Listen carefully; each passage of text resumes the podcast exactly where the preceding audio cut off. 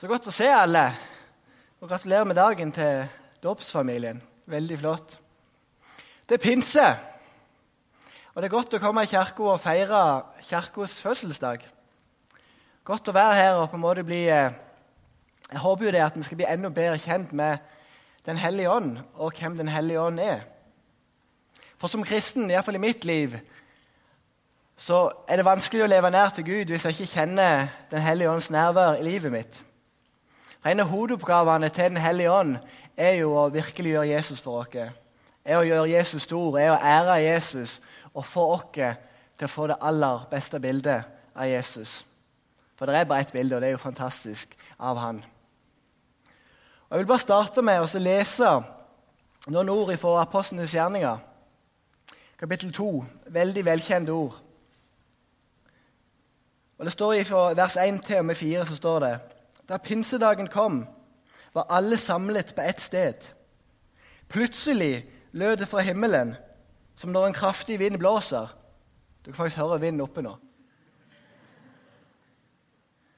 Og lyden fulgte hele huset hvor de satt. Tunger som av ild viste seg for dem, delte seg og satte seg på hver enkelt av dem. Da ble de alle fulgt av Den hellige ånd og begynte å tale på andre språk etter som Ånden ga dem å forkynne. Så vil jeg lese fra vers 17 og noen vers utover. Der står det I de siste dager skal det skje, sier Gud, at jeg øser ut min ånd over alle mennesker. Deres sønner og døtre skal profetere. De unge skal se syn, og de gamle skal drømme drømmer. Selv over mine slaver og slavekvinner vil jeg i de dager utøse min ånd, og de skal tale profetisk.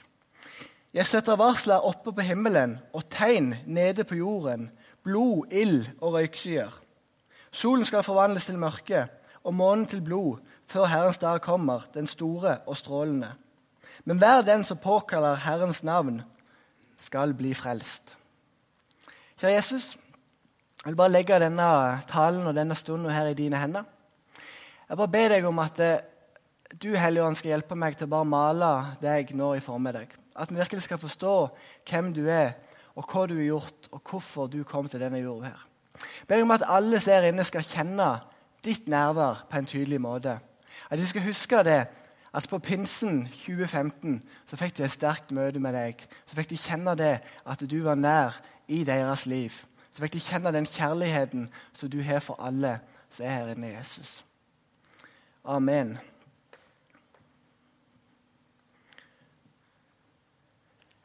I min bokhylle på kontoret mitt så er det tre typer bøker som er ikke mye flere av enn andre. Og Det ene er bøker om Jesus. Jeg har kjempemange av dem i nesten hele hylla. Det andre er bøker om vekkelses- og misjonshistorie. Her i hylla det er Jeg kjøper alle sånne bøker og kommer over og leser dem, for jeg synes det er så fantastisk. Og Det tredje er at jeg har en hel haug med bøker om Den hellige ånd og Ånden. Så jeg kan virkelig si at dette er noe av, mine favorittemaer, det er å snakke om Den hellige ånd. Og viktigheten av Når vi tar imot Jesus, bare for å si det først, så får vi Den hellige ånd. Bibelen er tydelig på det. Men så handler det òg om at når vi har mottatt Den hellige ånd, så må vi fortsette å vandre med Den hellige ånd. For mange tar imot Jesus, tar imot frelsen, og så kan det fort stoppe der. Og så er det så mye mer som vi kan få lov til å oppleve.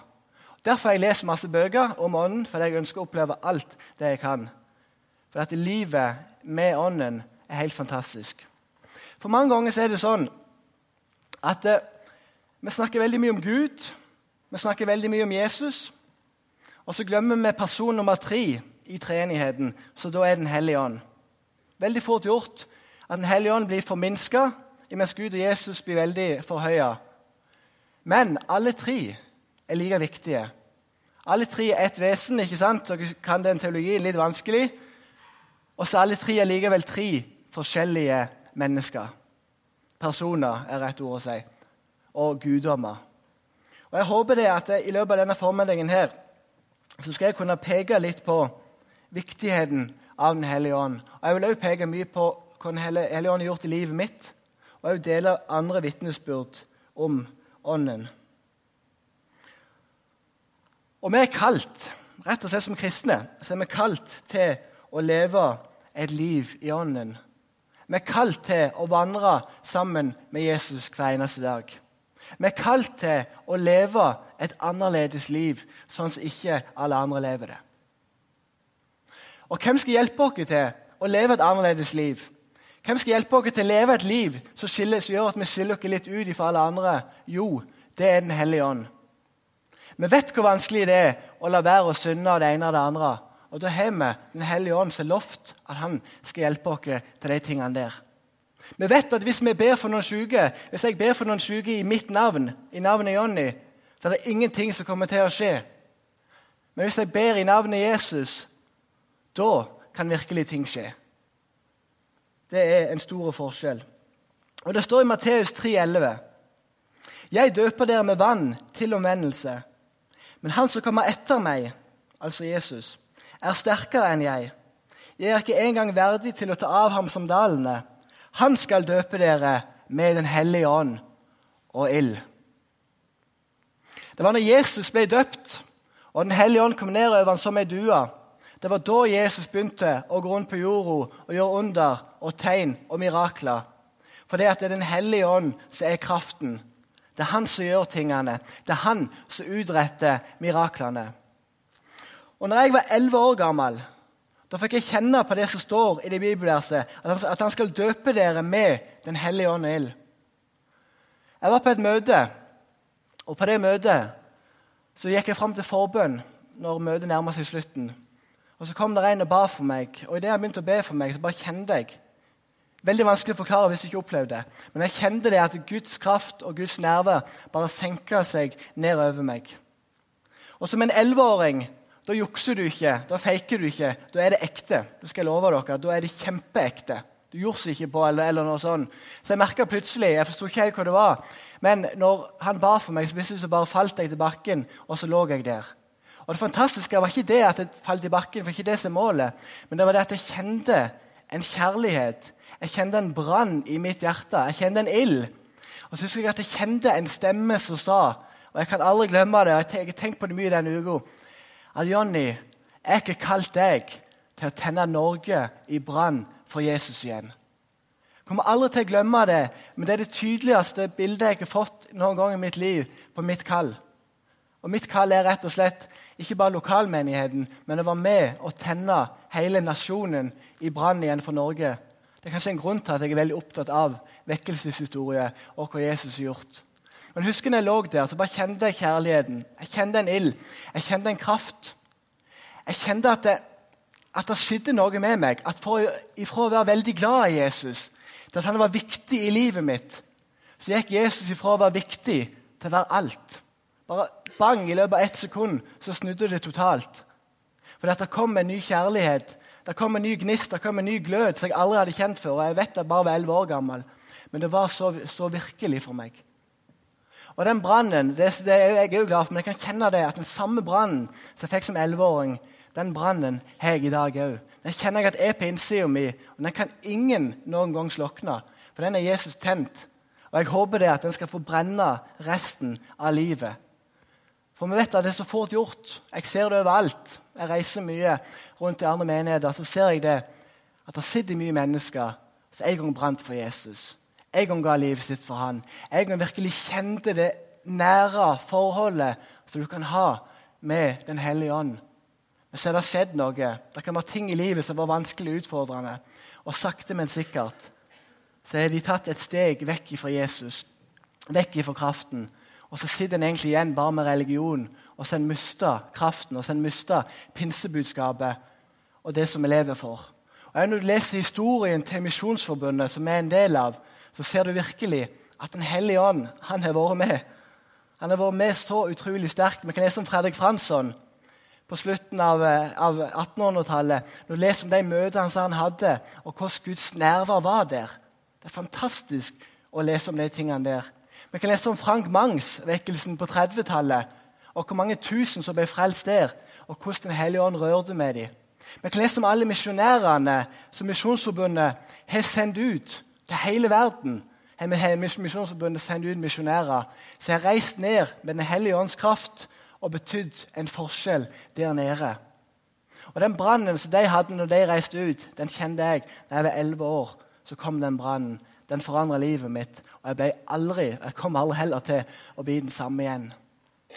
Noen dager seinere, etter at jeg hadde fått denne brannen, så kom jeg hjem til, eller kom hjem til Haua samme kveld, der jeg kom ifra. Og Da tok jeg kontakt med en av mine bestekamerater, han som var min forlover da jeg gifta meg.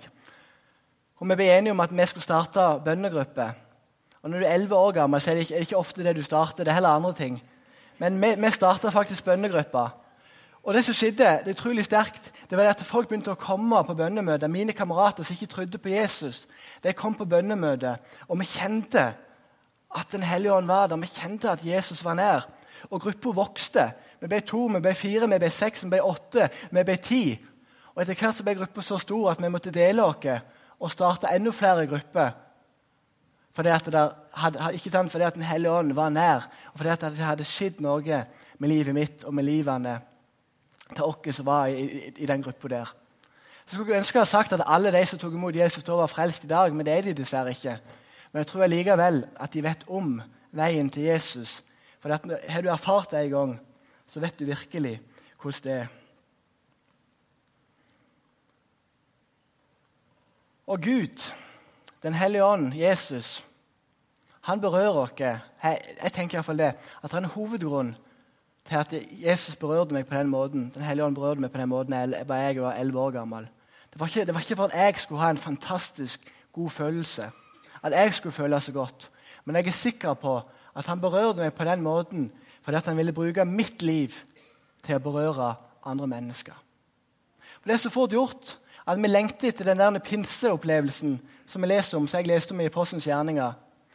Og Så er det de vekkelsesturistene som jeg kan kalle dem for, som reiser jorda rundt for å oppleve alle vekkelsene som er, for å få alle opplevelsene de kan med Gud. Og så blir det bare med det. Det blir bare en opplevelse. Men Gud rører oss, tenker jeg, selvfølgelig for to grunner. For Det ene er for å vise at, vise at han er virkelig. Men nummer to er at han rører oss for det at vi skal være med og røre andre mennesker. Kanskje du er inne og så ber du gang på gang på gang at Gud skal røre deg igjen og igjen. Og igjen. Og så møter han deg og så gjør han noe med livet ditt, men så blir det ikke noe mer. Fordi at det stopper opp til. Men Gud vil at den kraften og den, brannen som du har fått i ditt hjerte, den vil Gud at du skal bruke til noen andre mennesker. Den vil han at du skal bruke til å peke på hvem Jesus er, og hvor mye Jesus elsker denne verden. Det står i 1. Korinterne 24.: For Guds rike består ikke i ord, men i kraft. Jeg som kristen har som mål at jeg håper at det livet jeg lever sammen med Jesus, det skal være et liv som de som ikke tror på Jesus, har lyst til å leve. At det skal være så spennende å leve og tro på han som døde for meg, han som ga livet sitt for meg, han som døde på korset for min del. At folk skal se at jeg genuint tror på det, at han døde på korset. At jeg genuint vil gi livet mitt for at han døde for meg en gang. Det håper jeg. At folk skal merke det. At den gleden jeg utstråler, og selvfølgelig sorg når vi er i sorgtider, og den kraften som jeg er en bærer av fordi jeg tror på Han, at det skal være noe som smitter. At folk bare skal kjenne det. Hvordan kan du tro på Jesus når, når, du er sånn eller sånn? At de skal få et bilde av at det å vandre med Jesus det er noe fantastisk. Det å tro på Han det er det beste vi kan få lov til å oppleve. Den måten ønsker jeg å leve mitt liv på. Og kraften i Den hellige ånd den er rett og slett ubegrensa. Og Vi leste i starten av det kapittelet som jeg leste, at eh, alle fikk Den hellige ånd, og de begynte å tale i språk som var annerledes. De begynte å tale òg i et språk som folk i nærområdet kjente seg igjen i. Deres dialekt eller deres lokalspråk. Begynte de å tale flytende, og ingen skjønte noen ting. Og For å gi dere en fantastisk historie på det, for det vil jeg gjøre, så er det en god kamerat av meg som heter Jonny. Akkurat som meg. En av mine beste kamerater. Han er misjonær i Tyskland. Og For mange år siden så var han i Pakistan og hadde et svært møte der nede der de, der de fortalte evangeliet. Og Det skjedde mye fantastiske ting. Og På det møtet, midt i talen hans det her er sterkt, bare hør nå, midt i talen hans begynner plutselig han Jonny å tale i tunge. Han visste ikke sjøl hva han sa, han hadde ikke peiling, men han begynte bare å tale i tunga. Han ble litt sånn ivrig og kjørte på. Og Så gjorde han det i, i et halvt minutt, og etterpå det så fortsetter han å tale videre. Og Etter møtet så kommer det bort et, et eldre ektepar til han. Og Så kommer de bort til han, og så sier de gjennom tolken at vet du hva som skjedde? At plutselig, når du sto på scenen, så begynte du å snakke pakistansk, altså det språket som de snakker der nede. Så sa du navnet på oss to. Så sa du hva som var problemene våre, og hva som var sykdommene våre, og at Jesus skulle helbrede dere. Og Jesus helbreder jo da de selvfølgelig der og da. Og Jonny ble helt sjokkert etterpå, for han hadde bare bedt den normale bønn i tunge, med tungetale, og plutselig så hadde han talt pakistansk. Og det er en helt sann historie. Jeg lengter etter det.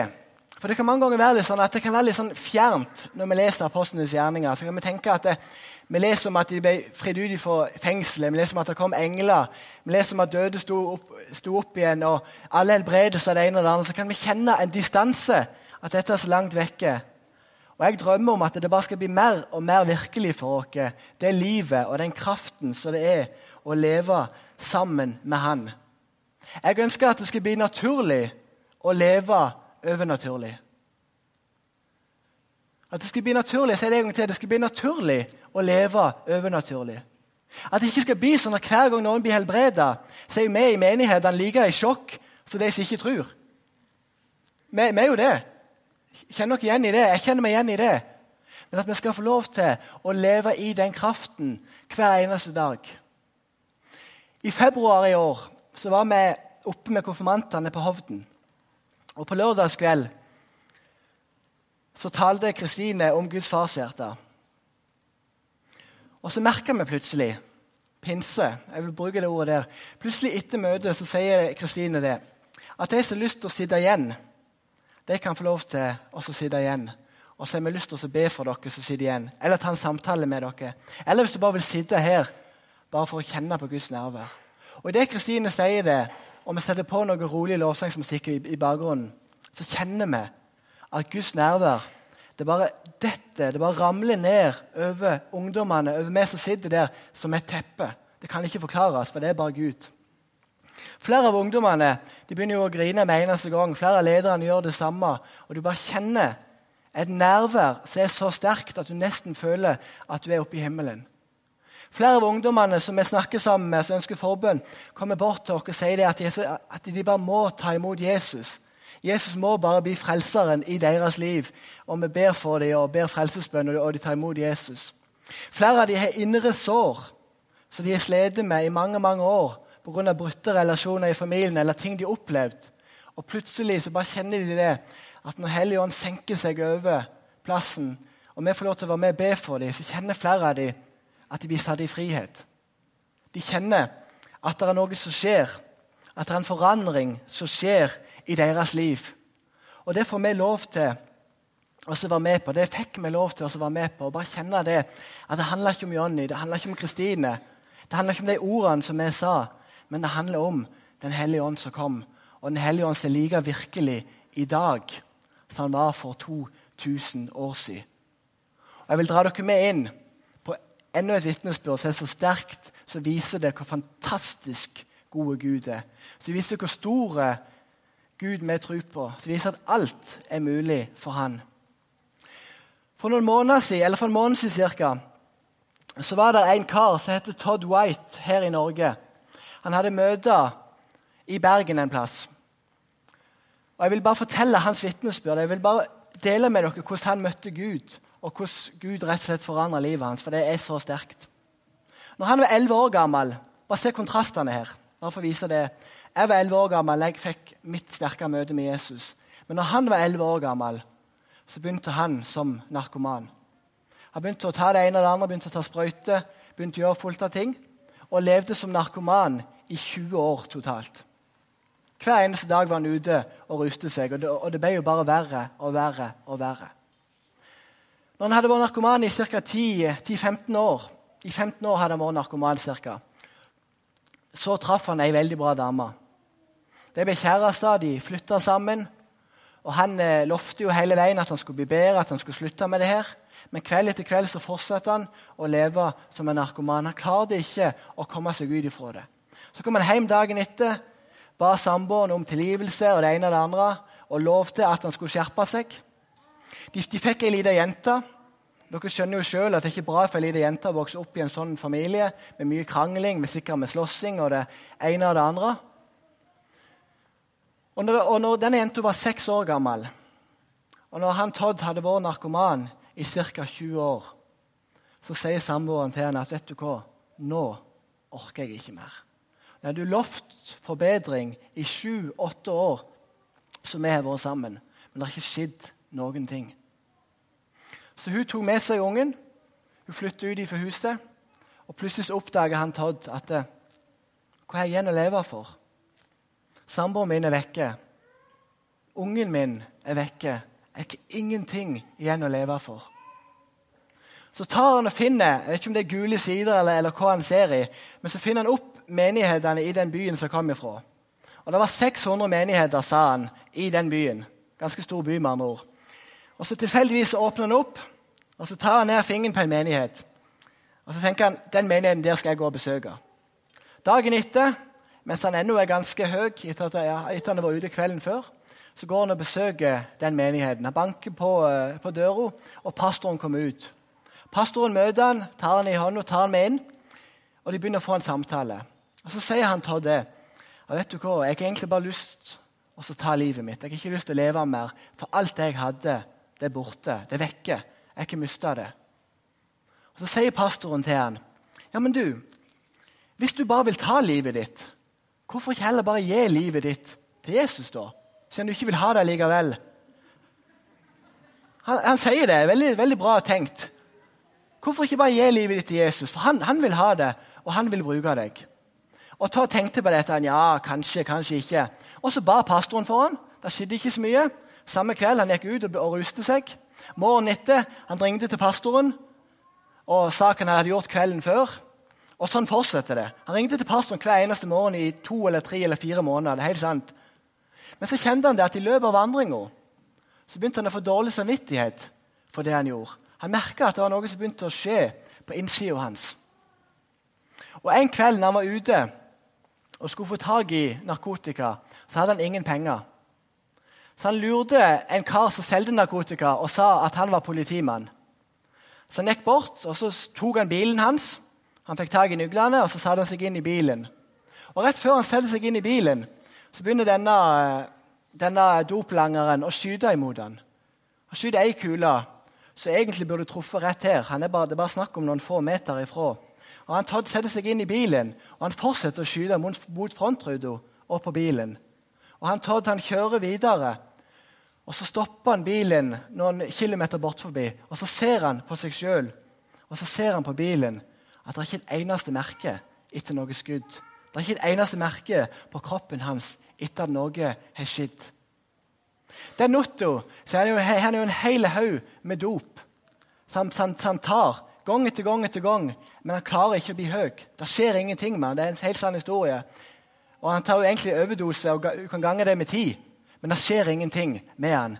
Så Dagen etter så går han til denne pastoren og så forteller han hva som skjedde og så gir han livet sitt til Jesus. Og Når han har gitt livet sitt til Jesus, så sender de han på rehabilitering på et senter. Og Der skal han egentlig være i ett år, for det tar et år å på en måte bli fri og bli ferdig med det her. Men etter en, måte, etter en måned så har han møtt Gud så sterkt, Jesus så sterkt, at han bestemmer seg for at han skal slutte på det senteret da. Så Han går og sier det til ledelsen. Ledelsen blir ikke glad, selvfølgelig gjør det ikke det. Og så reiser han hjem. Så står pastoren på utsida og henter han, og de kjører hjem til huset. For Han sier det at jeg er nødt å be min datter om tilgivelse. Og så er jeg nødt til å be samboeren min om tilgivelse for det jeg har gjort. Så kjører de til huset som de har bodd i i mange år, og det her er sterkt. Så kommer den lille jenta på seks år springende imot pappaen sin og gir pappaen sin en god klem. Og så ber hun selvfølgelig Todd om tilgivelse for det han har gjort. På trappa i bakgrunnen så sitter samboeren hans, og tårene renner. Og Han går bort til hun og ber hun òg om tilgivelse. Og hun tilgir han. Og Det som da har skjedd, det er at denne pastoren, imens han Todd har vært inne på rehabilitering, så har denne pastoren vært daglig hjemme hos samboeren hans og jenta hans og vitna om Jesus og fortalt om Jesus. Og begge to har tatt imot Jesus. Og Det sterkeste med historien, og som viser kraften til Den hellige ånd, det er at jenta på seks år hun glemmer alt det forferdelige som hun har opplevd i oppveksten. Bare bang, så er det vekke. Hun husker ingenting av den dårlige faren han Todd var når han var ung. Det er bare blitt rensa vekk fra hennes liv, fra hennes hjerte. Og nå i dag så er hun 18 år gammel og husker ingenting om alle de forferdelige tingene som hun opplevde i barndommen. Tenk på det. Vi tenker at det går ikke an. Det tenker jeg òg. Men det er da vi har Gud. Det er da vi har kraften til Den hellige ånd. Det er da vi har en som vi tror på, som er mye sterkere enn alt det andre. Bare i løpet av en måned så snudde Gud, Jesus, Den hellige ånd, opp ned på livet til denne mannen.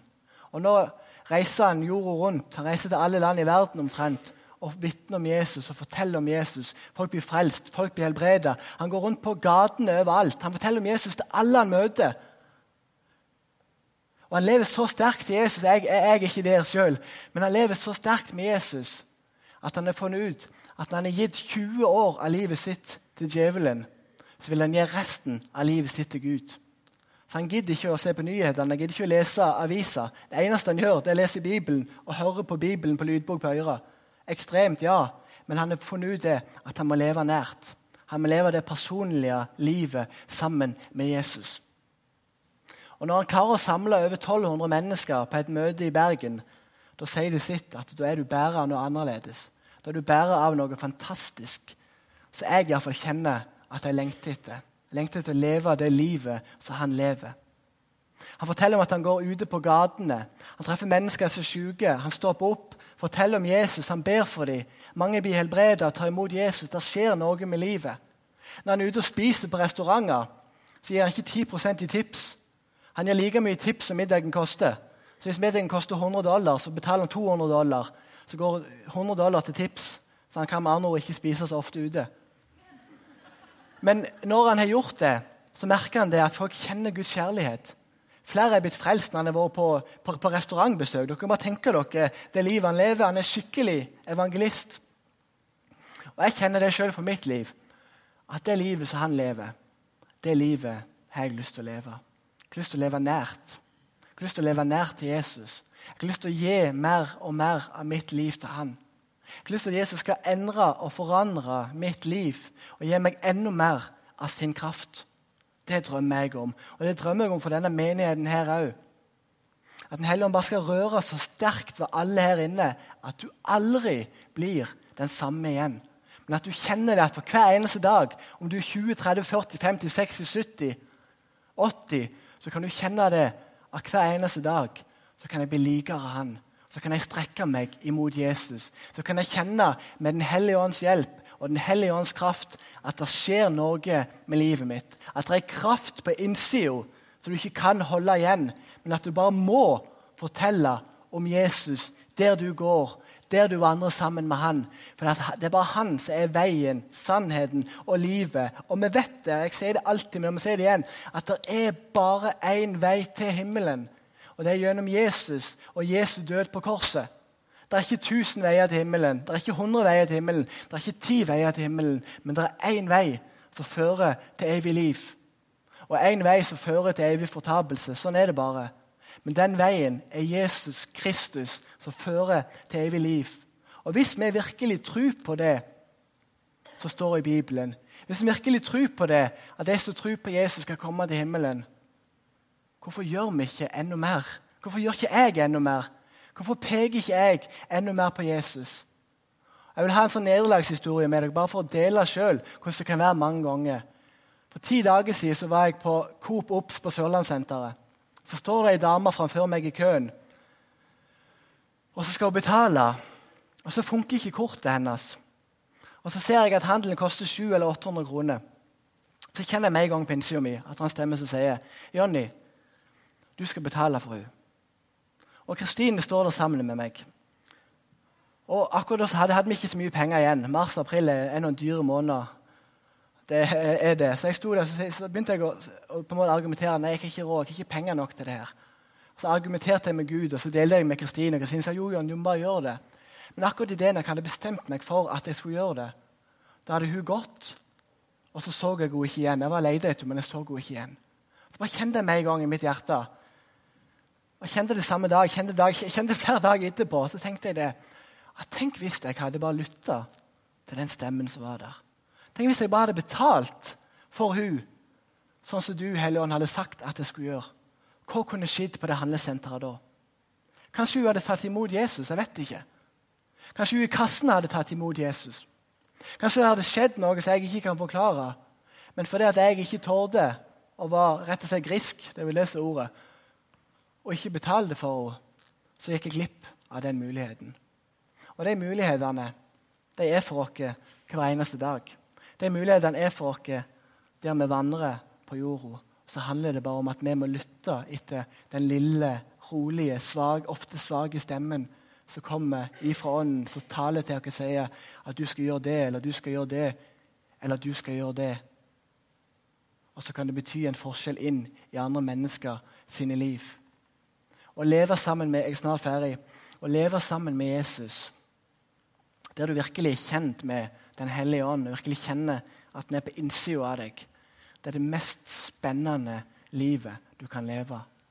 Men så er jo spørsmålet og utfordringen òg er du villig til å gi alt til han? Er du villig til å legge alt på alteret og si at 'Jesus, her er jeg. Ta livet mitt. La meg leve 100% for deg, ikke 98% Det er ikke mange av dere som hadde drukket vann der det står 98% rent og 2% kloakk. Det skjønner dere, det er ikke mange som hadde gjort det. Og Jesus han ber dere om å legge alt på alteret. Jeg skal love dere det at Når vi legger alt på altaret, det gjelder meg sjøl òg, da begynner det å skje ting. Da begynner det å fungere i livet vårt på en annen måte. Men dessverre er vi ikke alltid så villige til å ofre så mye for han, fordi at livet er så enkelt, og fordi at vi har det så fint og greit. og sånn. Mens i andre land så ofrer folk livet for Jesus hver eneste dag. Og da er rett og slett utfordringen til menigheten, til meg sjøl, like mye i dag, det er det Er vi villige til å leve et liv med Den hellige ånds kraft? Er vi villige til å legge alt på altaret og si 'Her er jeg, Jesus', med mine feil og med mine mangler? Kjære Jesus, takker deg for denne fantastiske, flotte menigheten. Takker deg for det at du elsker alle her inne så vanvittig mye. Takker for det at du døde på korset for alle. Og at du, Gud, sendte din Hellige Ånd ned på jorda, sånn at vi kunne få lov til å kjenne ditt nærvær i vårt liv. Jeg ber deg om det for at alle som skal kjenne det nå. At du møter dem med din kraft. At din Hellige Ånd bare senker seg ned over denne plassen og over denne bygningen her og nå. for. At vi ikke skal kjenne det at vi går ut her i dag, så er vi annerledes. Så kjenner vi at du har gjort noe med vårt liv. Så kjenner vi at du har tent vårt hjerte i brann for deg. At vi har tro på at alt er mulig for den som tror Jesus. Det ber jeg om, far. At legger alle her inne i dine hender. Amen.